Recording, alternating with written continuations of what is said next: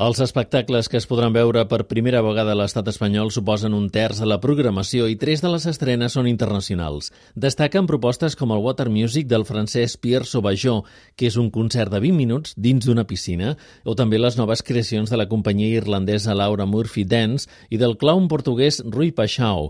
Fira Tàrrega reneix, però encara serà una edició molt condicionada per la pandèmia. Per exemple, per primera vegada caldrà comprar entrada per a tots els espectacles a preus que van dels 2 als 15 euros i no hi haurà representacions lliures al carrer. Per això, en declaracions a l'ACN, la directora artística Anna Giribet demana evitar comparacions. El que sí que sabem és que durant els dies de fira hi havia una mitjana de 110.000 visitants i sabem que l'aforament actual és de 22.000 entrades, 22.000 i alguna etc.